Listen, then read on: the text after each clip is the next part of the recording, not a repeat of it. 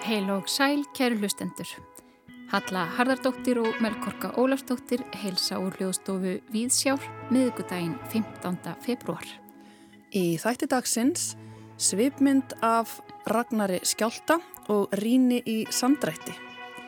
Ragnar Stefánsson, eða Ragnar Skjálti, hefur lengi verið ábyrjandi í íslensku þjóðlífi allt frá því hann kom heim frá námi og hófstörf á viðstofu Íslands fyrir meira en 50 árum. Hann er einn helsti jarðskjáltafræðingu landsins og hefur verið leiðandi í uppbyggingu mælakerfa og rannsóknum sem miða að því að spá fyrir um jarðskjálta og draga úr hættum af þeirra völdum. Ragnar hefur líka lengi verið ábyrjandi baráttumadur sósialískra gilda og fyrir andstöðu við hersetu bandaríkjan á Íslandi. Hann laut nýverið Íslensku bókmæntavelunin í flokki fræðibóka og rita almenns eðlis fyrir bókina Hvenar kemur svo stóri. Bókin er yfirlitsritt um jarðskjálta á Íslandi, sett fram á aðgengilegan hátt og er, samkvæmt umsögn dómnefndar, líkleg til að vekja aðtikli lesenda á vísindum á sviði sem að varðar almenning mikill. Ragnar Skjálti er gestur svipmyndar í Víðsjá dagsins. En áður en við fáum Ragnar til okkar í ljóðstofu, heyrum við leikusrýni frá Efu Halldóru Gumundsdóttur. Hún læði leið sína í Tjarnabíó til að sjá leikverk Matt Bartlett Samdrætti. Aðskilnaður vinnu og engalífs hefur mikið verið til umræðu í samfélagi þar sem kölnun verður æalgengari og sífelt fleiri þurfa á öflugri starfsendurhæfingu að halda eftir að hafa örmagnast. Bóðskapur fagst þetta er að þessum málum koma og þeirra sem hafa reynd líðan af þessu tægi er allur og einn veg. Skapaðu jafnvægi millir vinnu og engalífs. Gefðu þér tíma til að lifa lífinu. Ekki er langt síðan krafan var svo að menn fórnuðu öllu fyrir vinnuna. Ef þú hafðir ekki meikaða fyrir þrítugt, varstu vonlaus. Hver mann ekki blómatíma bankana og kveikmyndir um fjármálasnillinga sem byggu í vinnunni skemmtu sér þar og skemmtu engu um áhrif á fjölskyldu, ástarsambönd eða annað. En hvar liggja þessi mörg? Er alltaf auðvelt að finna hefð hárjætta jafnvægi og feta línuna?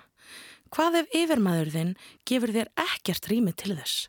Hvað ef yfirmæðin er ofbeldiseggur og nýtur þess að misnota valdsitt? Verkið Samdrættir var frumsýnd um liðna helgi í Tjarnarbíói. Samdrættir er stutt verk eftir breska leikskaldið Mike Bartlett.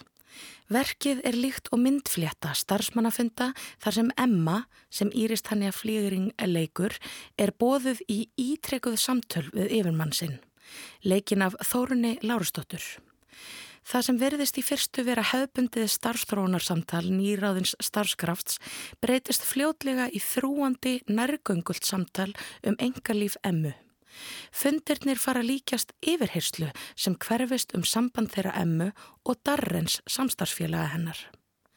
Stjórnandin gerir emmu ljóst að fyrirtækið beri hag starfsfólk síns fyrir brjósti og þurfi því að vita hvers eðlis samband þeirra sé. Í ráðningasamningi sé klausa um að ef starfsfólk eigi í nánu sambandi þurfi það að gera fyrirtækinu viðvart svo það geti gert viðegandi ráðstafanir. Verkið gerist í skrifstofuhúsnæði óraðs sölufyrirtækis og því mætti segja að leikritið sé í absúrt stíl. Leikmynd og búningar Sean McCoy eru stílhreinir en með kuldalegu yfirbræði. Þegar komið er í tjarnarbjó fá áhörundur nafnspjöld og er bóðið inn í salin þar sem þeir setja á sviðinu í skrippborstólum. Stólunum er raðað snirtilega í raðir og gangvegur skiptir þeim í tvo klasa. Fremst er skrifstofa stjórnandans á palli með drapplitiðu personuleika lausu teppi og tveimur skrippborstólum í stíl. En meðsmunandi stærð stólana ítrekar stöðumun personana. Stjórnandin situr í stórum skrippborstól en Emma í samskonarstól og áhörfundur. Mætti því segja að áhörfundur verði hluti af verkinu. Það að setja í leikmyndinni öll mert með nafnspjöldum skapaði þá upplöfun að við værum samstarfsfólk sem sæti allt saman í opnu skrifstofurími. Á milli stóls stjórnandans og starfsmannastólsins á skrifstofinni liggur ráðningasamningur emmu sem er bladastabli líklega jafn hára og meðalstort tvekjar á barn. Leikmyndin er einföld en segir allt sem segja þarf um fyrirtæki sem Emma vinnur hjá og endurómar að þar sé vinna í fyrirhúmi og vöndun á mennsku. Hljóðmynd og tónlistverksins er í höndum Valgers Sigurssonar og hann undirstrekkar svarta komedíuna og litleysi fyrirtækisins með músaktónlist í byrjunverksins og þurri framúrstefnulegri lounge tónlist sem ómar milli funda. En þegar verkið fyrir að verða alvarlegra stiður bassadrón við dramatíkina í bland við draugaleg skrifstofurhljóð eins og ringingar í síma eða prentara að spúa úr sér blöðum og það býr til engar skemmtilega spennu. Lýsingin er af sama meiði og tónlistin og talarinn í kafkaist yfirbræð verksins. Ólafur Ágúst Stefánsson ljósahönnöður vinnur með andstæðir á skemmtilegan hátt. Í upphafi er rýmið kvít og kallt og minnir óneitanlega á byrtu úr flúorperum sem engjana oft lýsingu á skrifstofum. En svo notar hann liti á draumkjendan hátt í ýmsum senum til að tákna innra líf personana og ástand. Leikonurnar Íris og Þórun vinna einstaklega vel með tekstan og eru afskaplega eðlilegar í framkomu. Í fyrstu eru samskipti þeirra komísk og greinilegt að þær eru með góðar skoplegar tímasetningar. Kalthennislegur tekstin leikur í höndunum á þeim. Þórun leikur kaldan yfir mann á tilgerðarlausan máta og Íris er einlag í tólkun sinni á emmu. Einnig er eftirtækt að verta að finna hvað Þórun sínir valdsitt yfir emmu á lúmskan máta með tónfalli í röttinni, stillingu á stól eða stingandi augnaráði. Þær leika sér með valda ójapvæðið sín á milli og þótt Emma reyni að berjast fyrir tilverurétti sínum og rétti til engalífs er greinilegt að stjórnandin óttast aldrei um eigin stöðu. Yfirmadurinn heldur kuldalegu viðmóti sínu allan tíman en á háréttum tímapunkti í verkinu brotnar gríma hennar í örstutastund og fá við að gæjast inn fyrir harðaskilina og sjá manneskuna. Þóra Karitas Árnadóttir leikstyrir verkinu af mikilli yfirvegun. Hún býr til áhugaverða nálega millir áhæranda á verksins og nýtir rýmið á virkilega skemmtilegan máta. Verkið er stött og er samansapn margra skarpra sena og því gleðilegt hver Þóra er óhrætt við að leifa áhærandum að kvíla í tekstanum. Hún notar tækifærið og vinnur með absúrt stílverksins og leifir sér að skapa drömkendar senur inn á milli realískra samtalana sem gefur fólki tækifærið til að mynda tengsl við aðstæður emmu. Þó svo að stílverksins sé lástendur þýðir það þó alls ekki að það vandi upp á drama og er augljóst að Þóra Karitas er næm á hvað grýpur áhörfundur. Verkið er nánast eins og örstutt dramatísk satýra sem tekst á við nútíma vinnumarkað og spennuna millir mennskunar og kapitalismans. Með því að krefjast upplýsinga um engalíf starfsfólksins undir því yfirskinni að fyrirtæki vilji vernda það stækkar umfjöllunarafni verksins. Vöktun vinnustæðarins skapar óheguð hugrinningatengsl við samfélagsmiðla og kaup stóra fyrirtækja á persónu upplýsingum fólks til sölu á varningi. Í kaltænislegum senum þar sem farið er með trúnaðarupplýsingar, lagalegar skilgreiningar á samböndum og skildu fólks til uppljóstrana er veld upp stórum spurningum varðandi réttin til engalífs í samfélagi þar sem við erum söluvaran. En þrátt fyrir stórar og áleitnar spurningar vantaði eitthvað upp á til að ég heitlaðist alveg að verkinu. Kanski vegna þess hversu stutt það er. Einnig þótti mér samband Darrens og Emmu aldrei verða trúverðugt og ég fengi almennilegt rými til þess að fylgjast með Emmu verða ástfangin af honum og finnst mér það skrifast á handritið. Harmur hennar er virkilega skýr í verkinu og fann ég til með henni þegar hún reyndi hvað hún gatt til þess að þóknast stjórnanda sínum og fyrirtæki á kostnað sambandsins við Darren. En vegna þess hversu lítið pláss sambandið tekur í verkinu hafði það ekki eins mikil áhrif á mig og ég hefði viljað að hún gæfi það upp á bátinn. En verkið er áhugavert og bæði harmrænt og fyndið. Í heimi þar sem laugin reyna að skilgreina það sem er tilfinningarlegt, líkt og romantísk sambund, er lítið rými eftir fyrir mannverur til að vera breyskar og verkið setur í samengi tókstreituna í aðskilnaði vinnu og engalífs. Ábyrðin á aðskilnaðinum og skilgreiningu á hvar er fariðin á svið engalífsins þar sem yfirmaðurinn hefur engin völd er alltaf í hendum starfsmannsins en réttur fyrirtækja til að sanga að sér upplýsingum um starfsfólk sitt virðist verða ríkari og ríkari. Eftir því sem vinnumarkaðurinn verður kapitalískari, því ópersonulegri verður hann. Markaðurinn breytir manneskjum í tölu og virði þeirra er fólkið í framleiðni og má ekkert koma upp á sem gæti haft áhrif á sölutölunar. En svo stjórnandin í verkinu segir, án peninga er ekkert líf.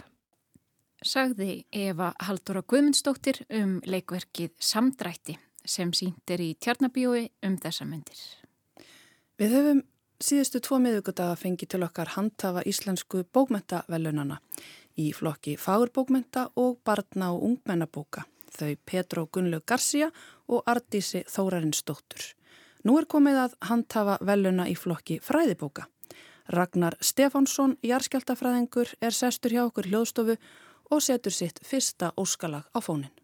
1, 2, 3 o'clock, 4 o'clock, rock 5, 6, 7 o'clock, 8 o'clock, rock 9, 10, 11 o'clock, 12 o'clock, rock We're gonna rock around the clock tonight. Put your glass right on, join me high. We'll have some fun when the clock strikes one We're gonna rock around the clock tonight. We're gonna rock, rock, rock till broad daylight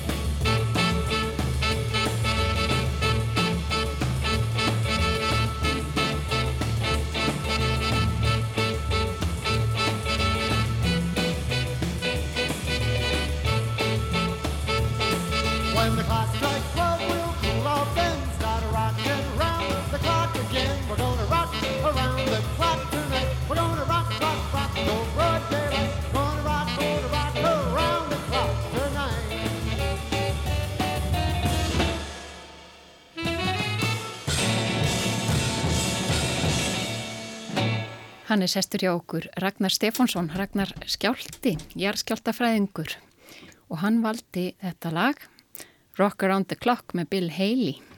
Ragnar, hvað segna þetta lag?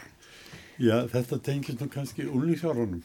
Það var, var nú aðalægi sko þegar maður var í metaskóla og svo leiðis og þetta var svona fjörulægið þegar maður þurfti að þurfti svona að reyfa sér hratt á böllum Já. og að vísa kannski ekki eins mikið á böllum eins og bara út á göttu því að ég mann við dansum þetta eins og í, í kringum hérna klukkun og lækjartorki sem var þá Já, rockar andi klokk tonight Já, það passaði mjög vel það var það bara vinahópurinn sem tók sér saman og Já, bara einhverjur úr skólanum sem voru Já. að þramma þarna um, um, eftir miðnætti, kannski eftir ball, ég man ekki hvernig það var. já, í Hva- hvaða skóla varstu? Ég var þá var ég í mennskólanum í Reykjavík. ertu alveg upp í Reykjavík? Já, ég er fættur og uppalinn í Reykjavík og þannig að, að hérna, mörgum stöðum í Reykjavík framan af eins og festist við nú í Sessi inn, þáldi lengi inn við Sigtún í Löganskarfi sem við vorum, þar var ég alveg frá frá nýjára aldir til tvítu þá til ég fótt til Svíþjóðar ég nám þar. Hvernig unglingur varstu? Ég var svona, ég held ég hef verið svona úlingur sem að, e, jú, ég var bara þægur og góður svona yfirleitt en ég var upp að tekja samur og, og ég var alltaf í einhverjum íþróttum þegar maður var yngri, mörgum íþróttum, allt, allt sem maður fann. Og, og hérna, svo þegar maður kom upp í uh, mennskóla þá var ég svona í ymsu félagslífi og ymsu félagstarfi og ekki bara í mentaskólanum heldur. Ég fór snemma, fór mér síðan landsprospekt, fór ég inn í inn í lesring hjá æskulisfylkingun eins og þetta hétt þá sem síðan voru kallað fylkingin alltaf mm -hmm. og uh, svona, það var svona koma hópur og, og fólk sem var að pæli í politík og svona sem að fóra þarna inn og ég var alltaf í einhverju svoleiði starfi allan tíman meðan ég var í mennskóla ég, ég hafði þörfur í greinlega að hafa mikið að gera Já Við komum kannski aftur að þessum pólitísku hliðum í þér setna en hvernig fórstu að hafa áhuga á jarðfræði? Var það komið þannig á myndaskólaárunum? Já, það var svona, nei, ég var aldrei mynd rosalega sterkan áhuga og þó ég, við, ég ferðaðist nút aldrei mikið, einmitt með þessar æskulfylkingu sem ég gekk inn í, þegar ég ferðaðist mikið og, og þar smitaðist maður nú svolítið af, af landinu og, og svona fegur þess og, og svona en, en að fara í það sem fræðigrein það konu ekki fyrir mjög seint. Og ég, mamma mín hún hún agiteraði stöðt í mér ég ætti að vera læknir og hérna fannst það voðalega virðilegt starf og mikilvægt og ég ætlaði allar mínu mennskóla tíð að verða vera læknir mm -hmm. það var ekki fyrir en bara að, að hérna sömari sem að eftir þess tók stúdinspróf sem að sem að hérna ég var að vinja einhverjum skurði fyrir stórbyggingu með mörgum öðrum ungum mannum, konum, mm. að grafa grunn og þá spurði eitt strákurinn mig hvað ég ætlaði að verða, mm. út í hvað, hvað ég ætlaði að fara að læra núna og ég saði læknisfræði og þá saði hann læknisfræði ætlaði að vera læknir með þessar stóru hendur, horfði á hendunar á mér og hérna ég horfði líka á þá að þetta voru alltaf stóru hendur til þess að vera læknir. Þannig að ég ég fór að hugsa mér um eitthvað sem, eitthvað sem að væri uh, eitthvað á njörðinni og þá ég hafði nú haft kennar í mennskólanum sem að jarfræðkennara sem að hjælt mjög mikið upp á mig. Ég fréttaði nú ekki setna en það var út af frænskap hans við, við frænda minn okay. og við nota hans við hann og, og hérna en hann, hann kannski smitaði mig svolítið með því hann var alltaf greinlega ætlast til þess að ég færi eitthvað jarfræðilegt og, og uh, ég fór að leita að því ég var nú svona mér fannst einhvern veginn jarfræði ekki mjög aðurlaðandi ég, uh, ég var svona frekar inn að eðlisfræði megin í lífinu og fór þá að pæla hétti jarð eðlisfræði og mhm. leitaði meðal manna og, og mm. fann loksins að vera best að fara til Svíþjóður þá getur maður lært eiginlega hvað sem væri. Mm -hmm. og svo getur maður haldið bara áfram í framhaldsnámi eins og henni síndist og þetta væri bara þetta væri ekki neitt fast svona skipurlag þannig. Geti, og það endur nú með því ég, þetta skeiður náttúrulega með mjög röðum hægt að ég fór þetta sama haust út til út til Stokkólm og byrjaði þar og var síðan í námi uppsörum í já, sjö ára eiginlega, hátt í sjönd ár bæði bæði grunnnámi og, og, og svo í framstnámi kom ekki alkomin heim fyrir en já, 66 mm -hmm. Hún hefur greinlega heitlaði í jarfræðin mannstu hvaða var hvaða stað varst á í náminu, mannstu eftir að fengið þessa tilfinningu að þetta væri eitthvað sem að þú getur lagt fyrir þig? Hvaða var við jarfræðina sem að svona kveikt í þér? Já, það var náttúrulega kveikti bara í mér bara náttúran sem að, sem að runga maður að, að ég hafði, mér fannst þú rosalega notalegt að ferðast um þetta voru, þetta voru svona ferðir það sem var gist í tjaldi og svona og, og, og þetta voru svona þannig að það, en það kveikti kannski ekki beinlim sín mér að sko jarfra, að fara að vera einhver fræðimæður í jarfræðin en svona það var svona, ég hefði gaman að bara landinu og náttúrunni og, mm. og slíku og hérna síðan var það smá saman þegar ég fór í, út í Svíþjá þá, þá tók ég meðal annars smávegis ekki mikið í jarfræði, ég las ekkert mjög mikið í jarfræði, ég las e, svona það var svona hálft misseri sem ég var að lesa jarfræði en, en fór úr henni yfir í eitthvað sem hétta landmælingafræði, var svona spiliti meira eðlisfræðilegt og, og landmótunarfræði og fór svo í framhansnámi í, í jarðskjáltafræði hjá, þá var nú hjá mjög þekktum profesor þarna út í Svíþjóð sem var jarðskjáltafræðingur það er nú ekki mikið um jarðskjált í Svíþjóð en hann var mikið í heims skjáltónum mm -hmm. og mikið í, þá var hann mikið um kjarnorkursprengjur svona það leiði á þann tíma allavega og hann var einn aðal maðurinn í því að tilkýna þær og segja frá þeim svona sem var að vera að sprengja mm. ofanjarðar og svo neðanjarðar og svo framvegð sem að, að þetta var mikið á döfun á þessum tíma það var þessi kjarnorku uppbygging var mjög röð og en ég, ég hérna ég fór sérgrein mín þegar ég í, í, í jarðskjaldafræðinni hún skapaðist, ég var hérna heima eitt ár 62-63 þá þá varð uh, mikil jarðskjaldi fyrir minni skagaferðar mm. skagaferðarskjaldin hann skjaldast þar inn í sjö sem var svona mm -hmm. úti fyrir, fyrir skagaferði og uh, og uh, ég var þá raunur að byrjaður á á þessum tíma var ég byrjaður á veðustöðunum það hafði hægt hann að maðurinn sem var á undan, Eistein Tryggvason mm.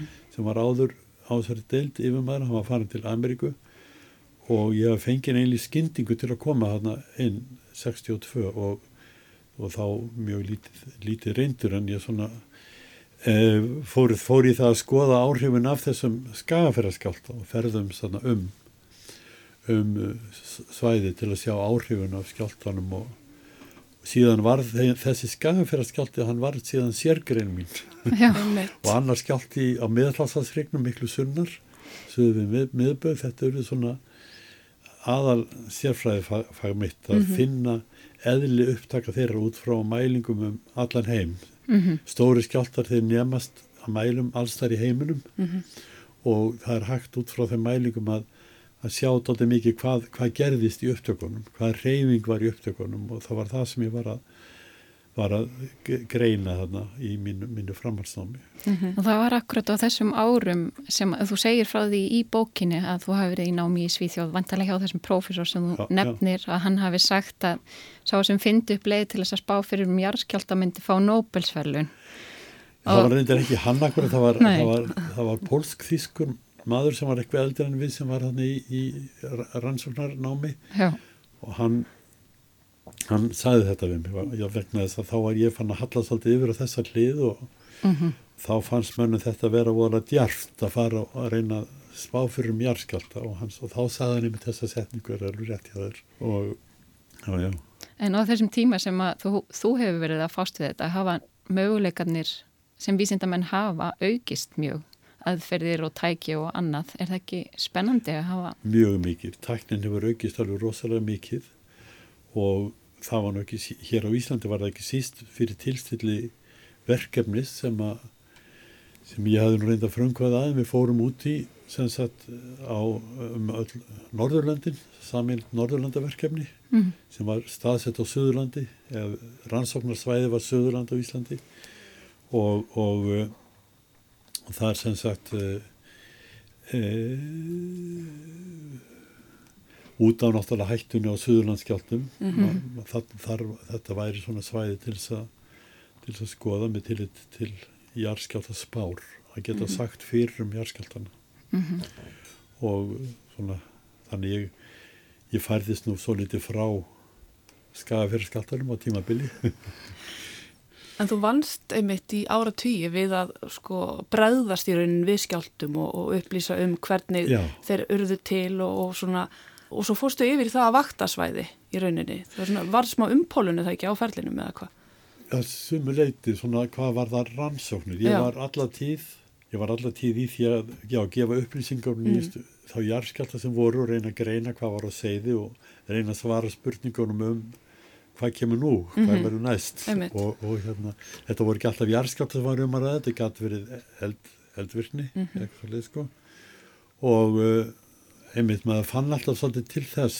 Þetta var bara mitt daglega starf og maður var náttúrulega að reyna að fylgjast með hvað var að gerast svona í fræðunum. En ég, sagt, þetta tók mikið upp hugamann sko að svona pæla í þessu og, og ég fekk þarna daldi kannski hugmyndina því að það verður nú gott að geta gefið fólki betri svör. Var að mhm, spyrja mann þessar eðlugu spurningar þegar fólk finnur svona þá er alveg eðlega spurning hvað verður úr þessu mm -hmm. eitthvað er að skeða þetta nýr í örðinni sem hlýtur að leiða til einhvers mm -hmm. en mjög líklega þetta gæti leitt til einhvers og það er alveg rétt hjá almenningi þetta er bara, þetta er bara þannig mm -hmm. þó þessi ekki alltaf stóri í arskaldar þá, þá, þá er eitthvað skenir í örðinni sem að hægt er að útskýra með nýjustu mælingum við byggðum upp mælakerfi það var fyrsta sem við gerðum í þessum ég svissaði svolítið yfir já kannski má segja ég fór yfir, því, yfir það einbetið mér mjög mikið að rannsóknum e, í, í kringum með rétt fyrir á, á nýjunda áratögnum, rétt fyrir 1990 og, og, og ég var nú áfram í eftirlit en ég var svona maður fór líka út í daldi mikið svona rannsóknarstarf mm -hmm. og skipurlagning og rannsókna og þetta síluverkefni sem við fórum að stað með í norrannu samstarfi á þeim tíma það hafði beinleginnist það hlutverk að vinna rannsóknum sem að að bynna rannsóknum sem að, að eh, geta, geta leitt mann áfram til að spá fyrir um járskjálta mm -hmm. og það hétt því nafni verkefni og, og, og á þeim tíma var þetta gegn öllu sem var í heiminum vegna þess að allir stóru kallandir í fræðanum í heiminum, eða þessi frægustu þeir voru eiginlega konur á það frá, frá kringu 1990 að það var ekki hægt að spá fyrir um járskjálta og sömur sagði að það muni aldrei verða hægt að spá fyrir um járskjálta og ég svona Einmitt. eins og ég sagði nú einhver stað sko, ég hef aldrei verið mikil svona meginströmsmaður og, og hérna ég gæti ómælega að séð akkur þetta ætti ekki að vera mögulegt eins og, eins og, eins og ég vann nú á viðurstofu þar sem henn voru að spá fyrir um náttúrulega viðbúr á hverjum einasta degi. Og, og þannig að það smitaði mig líka af, af því að, því að þessari, þessari tilfinningu. Við verðum að við verðum að geta spáð fyrir mjörkjölda miklu betur allavega en við gerum núna. Og allavega sem með það megin markmið að dragur hættu. Mm -hmm þannig að þó, þó maður getur ekki spáð nákvæmlega þá getur maður spáð fyrir kannski nákvæmlega um staðin hvað hann mm. verður og, og hvort hann verður stór eða lítill eða mikill og, og svona og, og smá sem hann fyrir okkur upp í það að vita meir og meir um tíman Einmitt, Þú talar einmitt um þessar evasemdir sumra fræðimina í bókinu og bendur á það að sé til dæmis viðhorf bandarískra fræðimanna þessu, á þessu sviði að það sé kannski ekki takt að spá fyrir um skjálta? Það var mjög stert viðhorf frá einum ofinbyrju járskjáltafræðingum í bandarkjörnum, þessum ofinbyrju mönnum sem að hafðu gefið út spár sem hafðu mistekist. Og, og í, í stað þess að kannski leita því hvort að þeir hefði ekki verið með of einföld mótel í sinni spáhugsun. Mm -hmm. því þetta var bara byggt á tölfræði af, af járskjáltum sem þeir notiðu að, að leita eftir svolítið flóknari mótelum að því sem að geti leitt með náfram þá, þá kannski letur undan þrýstingi frá kannski yfirvöldum mm -hmm. og svona og öllum þessum evasemdarmönnum sem segja að þetta er ekki hægt. Kínverjum hefði nefnilega tekist þetta 1975 og björguðu fjölda mannslífa 1975 þetta var rosa mikill atbyrður í heiminum mm -hmm. og, og hérna og, og ég held nú að það hafi verið alltaf mikil öfund í í vestrænum fræðingum sem eiga náttúrulega alltaf að vera bestir. Og, og hérna og svo þegar var annar járslott í Kína sem er, sem er skáð ekki átt ekki spáð fyrir og það er dó fjöldi manns mm -hmm. hund, bara hundra þúsund mann sem dó. Og, og hérna og, og þetta þetta var nota mikið gegn því að þetta hefði bara verið tilvílun hjá kynverunum að geta spáð fyrir um hinskjáltan svo gátt það ekki spáð fyrir um þennan og, og, og hérna þetta er svona og þetta, þetta kannski ítur undir það sem við höfum lagt upp með það er engin jarðskjálti nákvæmlega eins mm -hmm. þú hermir ekki eftir forbóðum eins jarðskjálta og segir svona verður þetta næst mm -hmm. og, og við getum ekki gengið út frá því í spám mm. það getur kannski hjálpa menni til þess að verða viðbúin að sjá eitthvað sem er sviðbúið sem við skiða áður en þú verður að fara bara sömu leið og veðufræðin fyrir það, stjórnufræðin, þú verður að fylgjast nákvæmlega með ferlum niður í jarðskorpunni, það sem upptöki jarðskorpan eru, fylgjast nákvæmlega með þeim ferlum sem þar eru og, og, og, og sjá út eðlisfræðilega hvaða ferlar gætu leittir jarðskjálta. Mm -hmm. Spennan ekst kannski og brotikirni bergsins fyrir að aukast á ákveðinu stöðum og þetta, allt þetta getur við mælt. Mm -hmm. Og með þessu kerfi sem við byggðum upp í kringu 1990, þessi nýja sílkerfi sem við köllum sem var, var sérstaklega sinna tegundar á þeim tíma, það er svo næmt að við náum þessum örsmáu jarðskjáltum sem eru þarna á undan og getum nota þessa litlu jarðskjálta til að segja okkur hvað er í gangið þarna. Og síðan maður, tala maður um það sem heitir að framreikna eða ekstrapólera út frá einhverjum kurvum sem við sjáum einhverjum breytingum og ferlum sem við sjáum nýri jarðskorpunni mm -hmm. þá framreiknum við okkur hvernig verður þetta morgun, hvernig verður þetta eftir nokkra daga, hvernig verður þetta mánuð mm -hmm. og, og hérna og, og þannig nákvæma, en það verður þeimur nákvæmari sem þetta er næri tíma og næri á stað í stað þannig að, að þannig er, er hugsunin á bakvið þetta mm -hmm. og við komumst líka því með þessu næmu kerfum að það, og undan öllum járskjáltum starfinn 5 hér á landi og það er selinu undan öllum járskjáltum í heiminum þá eru mælanlegir sérstaklega litlir, litlir járskjáltar. Það er ímislegt annað mælanlegt en, en litlir járskjáltar sem eiga upptök hæða niður við upptökinn, upptök stórskjáltans. Mm. Þeir eru, þeir eru mælanlegir, við kallaðum neyri stærðina 0, þá er brotaplani kannski, þú veist, 10-100 metrar eða eitthvað les og fæslan er örlítill partur úr millimetra. Mm -hmm. Þetta segja manni samt út úr þess að lesa heilmiklar upplýsingar um hvað mhm. er í gangi núna út frá því sem er í gangi núna þá hérna reynum við að spá í býtu hvernig verður þetta morgun mm. En eins og meðal þeirra sem eru að andmæla því að, að það sé hægt að spá fyrir um jarðskjálta, þetta eru kannski hagsmunu aðla stundum eins og bara þegar við horfum upp á þennan hrikala skjálta í Tyrklandi og Sílandi þar sem að söm hús hrundu eins og spilaborgir og aðrar stóðu nokkuð vel af sér skjáltan og það vekur upp spurningar um byggingar eftir lit og fleira, fleira slíkt. Er, finnst sömum það eiginlega að trúi því að það sé ekki hægt að spá fyrir um stóra járskjálta? Það er sagt svo, bandaríkjaman hafa sagt þetta lengi, sé, þetta sé ekki hægt og það sé miklu betra bara, þar er það svolítið mikið hægt sem mannum ál út frá því að þeir vil ekki að einhverjir hmm. spekulantar í svona fræðum, því að segja þeim að þeirra land sé kannski hættulegt, það sem að þeir, sem að þeir eiga og þeirra og, og hérna þannig að það, það getur verið þannig hagsmennur. Í Tyrklandi er það, það var alveg viðurkenda áður að þeir hafa haft þó nokkuð góða jarðskjálta verkfræði í Tyrklandi lengi og, og verið vel aðsér á því svið að, að byggja á jarðskjáltasvæðum en þeir hafa bara ekki þar að vera lélitt eftirlit og svo er kannski stór hlut af því sem er byggt er bara utan við allt eftirlit sko.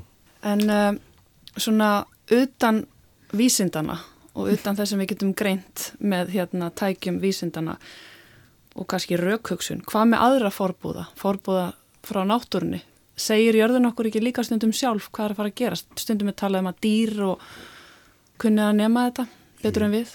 Þau eru miklu nærmari heldur en við mm. á svona smá titring í jörðinni og það er eins að kemur oft, oft fram breytingar á, á vasshæð og, og svo verða myndast kannski brunnar það sem ekki hafa verið brunnar áður og, og eða hækkar kannski eða lækkar í, í brunnum mm. skyndilega og þetta, er, þetta getur allt verið sko gaglegt sem forbóðar og þetta getur hins vegar efalega erfitt að spá út frá þessu en þetta getur einmitt sagt manni býtið þarna skulum við að fara að skoða málinn betur sko, eitthvað, eitthvað þannig mm -hmm. sko. Þannig það er mjög gaglegt sem að fólk er að benda manni á oft og ætti að gera miklu meira af því að benda á að hvað, hvað sé gangi í jörðinni því mm. það er bara heilmart sem að mm -hmm. En nefnum aðeins bókina þeina til hammingi með velunin Já, takk Fyrir hvernig er þetta að skrifa þessa bók? Hún er aðgengileg, hún er ætlið bara sem flestum, hefði ekki? Hún er náttúrulega skrifað á íslensku Ég skrifaði mm -hmm. bóku ennsku fyrir nokkrum árum Einmitt. Hún er svona kannski ætlið vísindunum í heiminum -hmm. til að samfara þá um, um mikilvægi þessa rannsóknar ég átt að járskjáltaspám mm -hmm. og bara einbeitingu að járskjáltaspám og þessi bók er svona þetta gengur nú alltaf mjög hægt en mér finnst það sem ég höfum skrifað um þetta svona erlendis hafi nú aðeins verið að milgrast út og við hefum nú hitt fólk sem að sem er byrjað svolítið að vinna á þessum grunni, svipum grunni. Þessi bók er ætla svona mjög mikið fyrir íslenskan markað til að reyna að vinna Íslandinga til fylgis við, við mm. það að fara út í svona rannsóknir. Þá á ég bæði við, bæði við stjórnvöld og fólk sem er svona í, í mentageranum og hefur áhrif þar og kerfinu bara almennt og, og almenning að þrýsta á um þetta því að þetta er mögulegt. Það er eitthvað sem skeður og undan öllum jarskaptum og fólk veit að það er bara eðlilegt að það gerist eitthvað og undan öllum jarskaptum. Mm -hmm. Við ætlum að snú okkur að annar hlýð á þér Ragnar Skjálti og heyra næsta lag.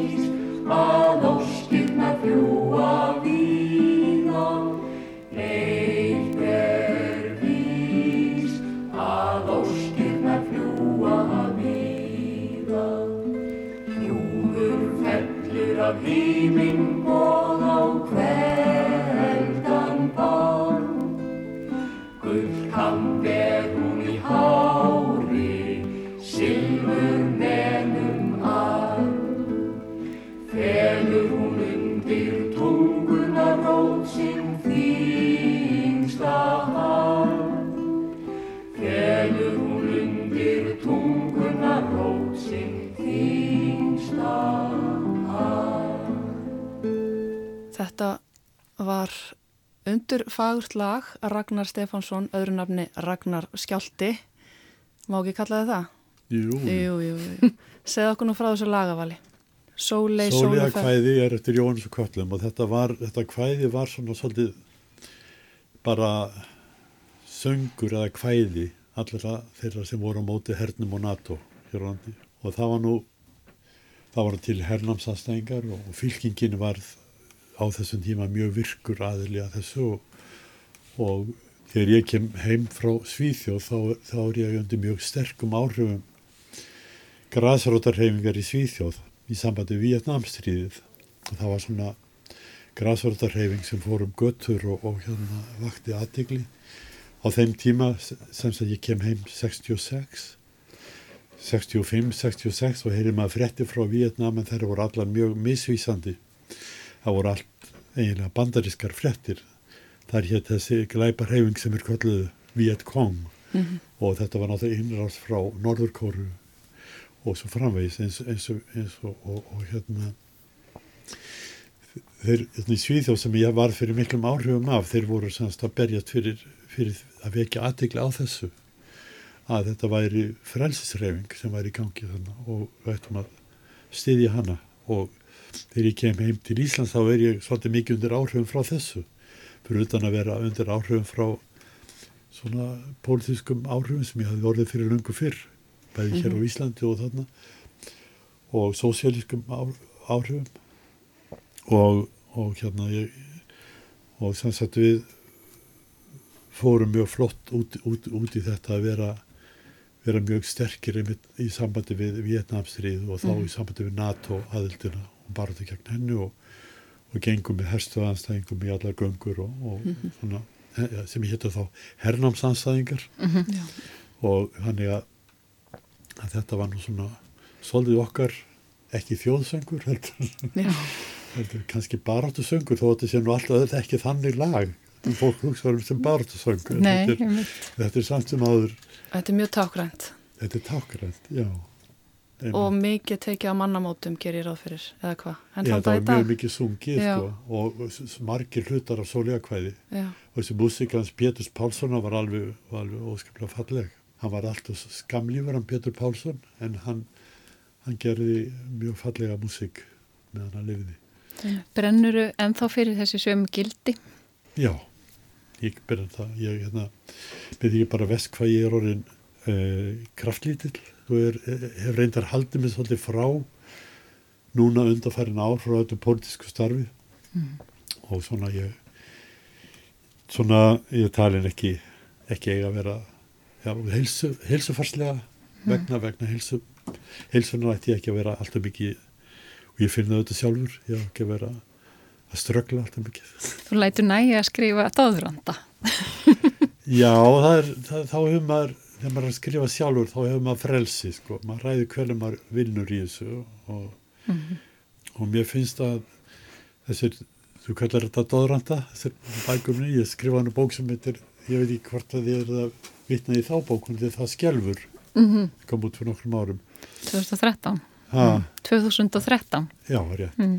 Þá, þá er þetta er svona, ég er svona að reyna að koma því til skila sem að ég, ég veit og, Mhm. og þekki best eða mér finnst ég þekkja best. Og það er ekki síst í sambandi við jarðskjaldafræðina og jarðisfræðina þá vildi ég koma þess á framfæri og ég veit að gæti orðið til þess að smita ungt fólk eða fólk á hvaða aldri sem er til þess að, til þess að fara að hugsa um ekki bara það er voða margir íslendingar sem hafa áhuga á jarðfræði og tala um jarðfræði og er, en það er mjög fátítt að fólk sé að pæla mikið í hinnum innri breytingum jarðarinnar.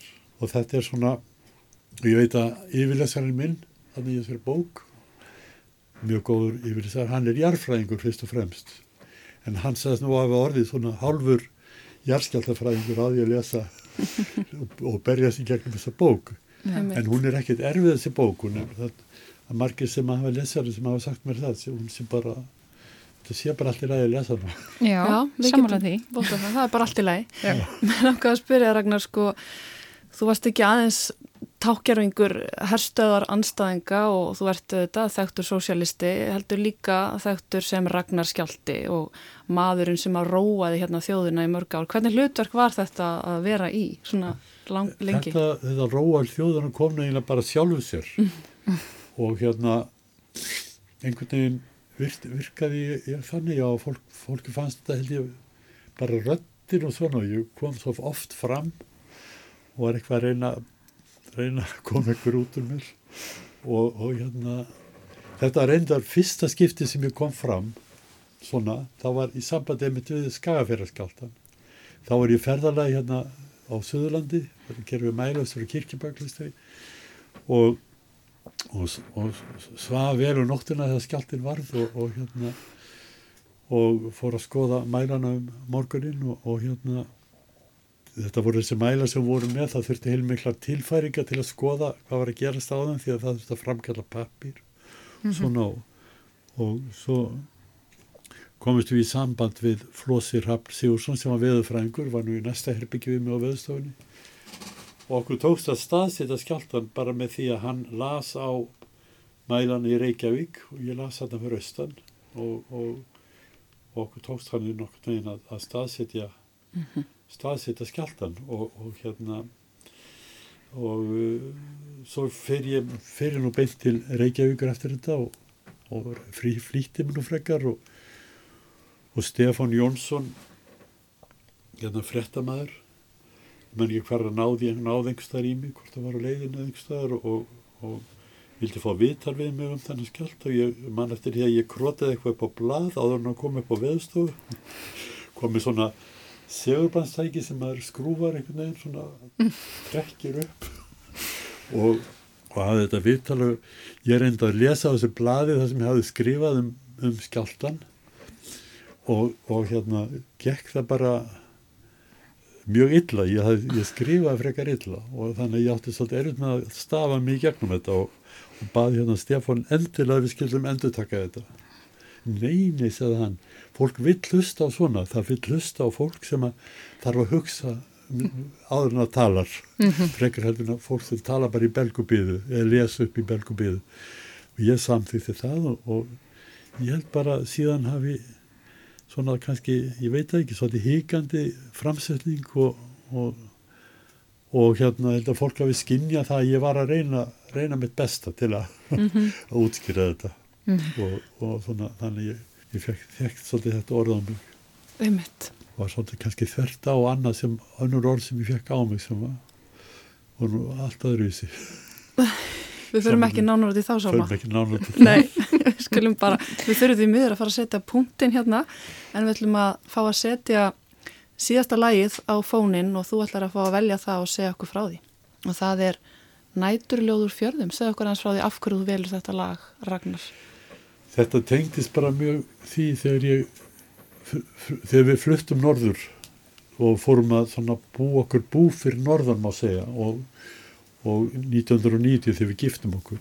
Þetta lag var, var spilað í brúðköpun okkar mm -hmm. og eða sungið. Og Kristjana Argrímsdóttir og ég man ekki hvort þá var tjarnarkvartetinu var að verða til um þetta leiti mm. og hún var náttúrulega í honum en hún var sem sagt með stóra bömbu því hún gekk með barni og söng þetta í, í litlu hérna sveitakirkjunni þar sem við giftum okkur og okkur fannst þetta bara svo fallegt. Lag eftir hann Böðvar Guðmundsson og tengis kannski þessu með kannski þessu pínlitið þjóðartinsinnaði sem hefur alltaf verið í sambandi við baratónu gegn hernum líka. Það er svona þetta, þetta, þetta land okkar sem, mm. sem er, er svona, já. Það er svona rauðu þráður í gegnum allt sem þú talar um, það er ást á landinu og náttúrunni. Já, kannski. Já, já, það er, er þannig. Já Við höfum þann háttin á hér í svipmyndinni að eh, gestur okkar neyðast til að svara örfáum hraðaspurningum af spurningarlista Prúst. Og hér er svo fyrir. Hvar ertu hamingisamastur? Um, ég held bara í, í rúminu. Já, gott svar. Hver er uppáhalds skáldsagnapersonan þín? Ég veit ekki hvort að ég á að segja Don Quixote en, en hérna haf, mér fannst hann óskaplega spennandi alltaf mm -hmm. en svo er Bjartur í sumarúsum síðar í kannski þegar maður fór að lesa slíkt meira. Mm -hmm. og það er loka spurningin hvaða einleika í manneskunni kanntu mest að er einleikni Takk innilega fyrir að koma í svipmynd í viðsjá Ragnar Stefánsson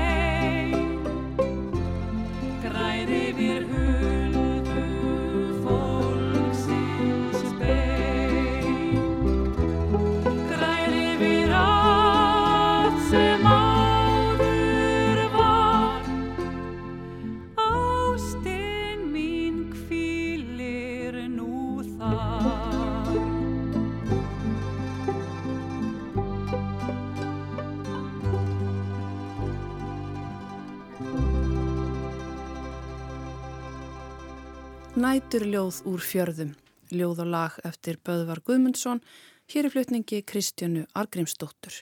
Það var gestur okkar í svipmynd vikunar, Ragnar Stefánsson, jarskjáltafræðingur og handhafi íslensku bókmentavelunana sem setti þetta lag á fónin. Lag sem var sungið í brúðköpi þeirra, Ingi Björgar Hjartardóttur, sem, eins og Ragnar saði hér frá, fór fram í kirkju í Svarvaðadal, þar sem að þau hafa átt sitt annað heimili undan farin ár. Við óskum að Ragnari aftur til hamingju með velunin. Og með því líkur við sjá dagsins, við þökkum hlustununa og verðum aftur hér á sama tíma á morgun. Veriði sæl.